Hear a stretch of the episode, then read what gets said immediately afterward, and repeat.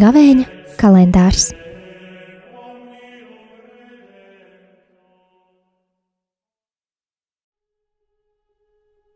Piektais aprīlis, otra diena. Svētais Vincents Ferērs, priesteris.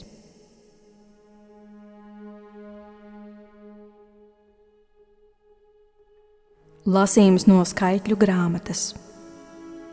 Tajā laikā izrēlieši no Hora kalna devās ceļā, kas veda uz sarkaņo jūru, lai apietu Edoma zemi. Bet ceļā tauta sāka kļūt nepacietīga, un viņi kurnēja pret Dievu un Mūzu un sacīja: Kāpēc tu izvedi mūs no Ēģiptes, lai mēs tuksnesī nomirtu? Nav ne maizes, ne ūdens. Mums jau apriebusies šī pārlieku vieglā barība. Šī iemesla dēļ Dievs uzsūtīja tautai ugunīgas čūskas, kas sakoda ļaudis, un daudz ļaužu no Izrēļa nomira. Tad viņi gāja pie Mūzus un sacīja: Mēs sagrēkojām, jo kurnējām pret kungu un pret tevi. Lūdzies, lai viņš attālinātu no mums čūskas. Un Mūzus lūdzās par tautu. Tad kungs viņam sacīja: pagatavo ugunīgu čūsku un uzstādi to par zīmi.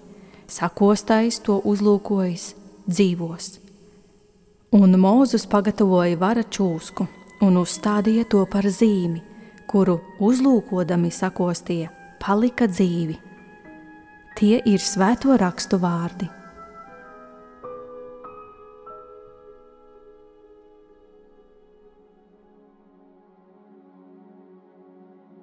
Mūsu lasījumu fons ir vilšanās.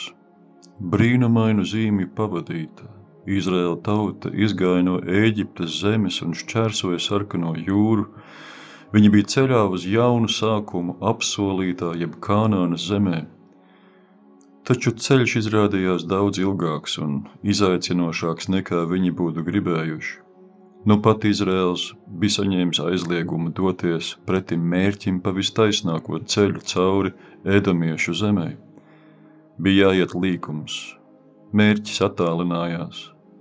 Nav brīnums, ka ceļš sāk apnikt, un tas paliek aizvien smagāks. Arī maize, par kuru citā brīdī Izraels bija priecājies, tagad nebūtu negaršoja tik labi. Rezultāts - nepateicība, kurnēšanu un pārmetumu mūzum un dievam. Šis notikums mums rāda, ka nepateicībai un kurnēšanai vienmēr ir sekas. Tās var būt tikpat bīstamas kā čūskas kodiens. Tu ļaujies tādai attieksmei pret dzīvi, cilvēkiem un dievu, un tu vari nonākt vietā, kur gandrīz neiespējami no čūskas kodiena izvairīties. Labāk tur nenonākt. Taču liekas, ka Izraels šeit kalpo kā ticīga cilvēka prototyps. Arī mēs ejam cauri tūkstnesi uz apsolīto zemi. Tas nav ne ātrs, ne viegls ceļš. Arī mums apnīk, arī mēs kļūstam nepacietīgi, runājam pret, kurnam un nepateicamies.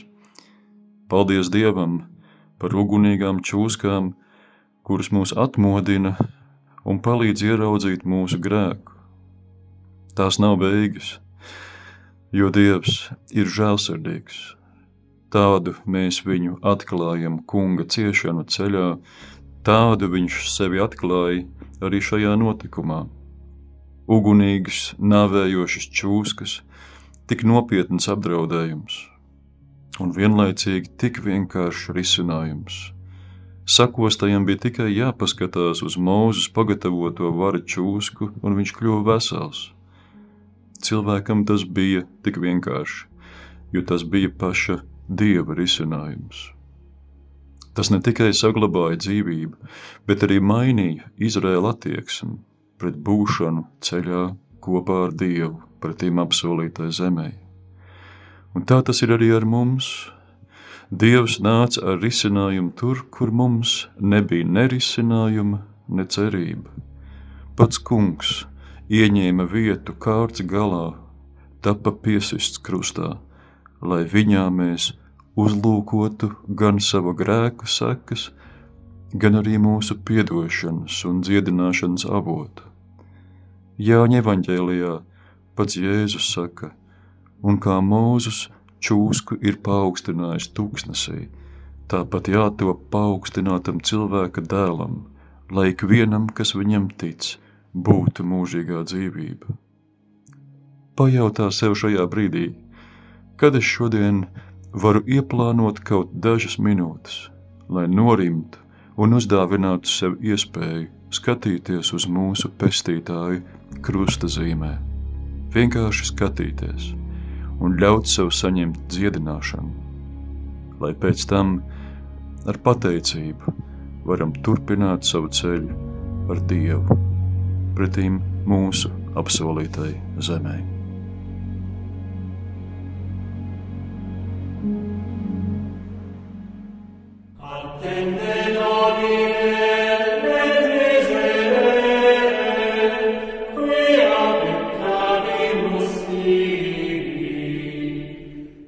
Gavēņa kalendārs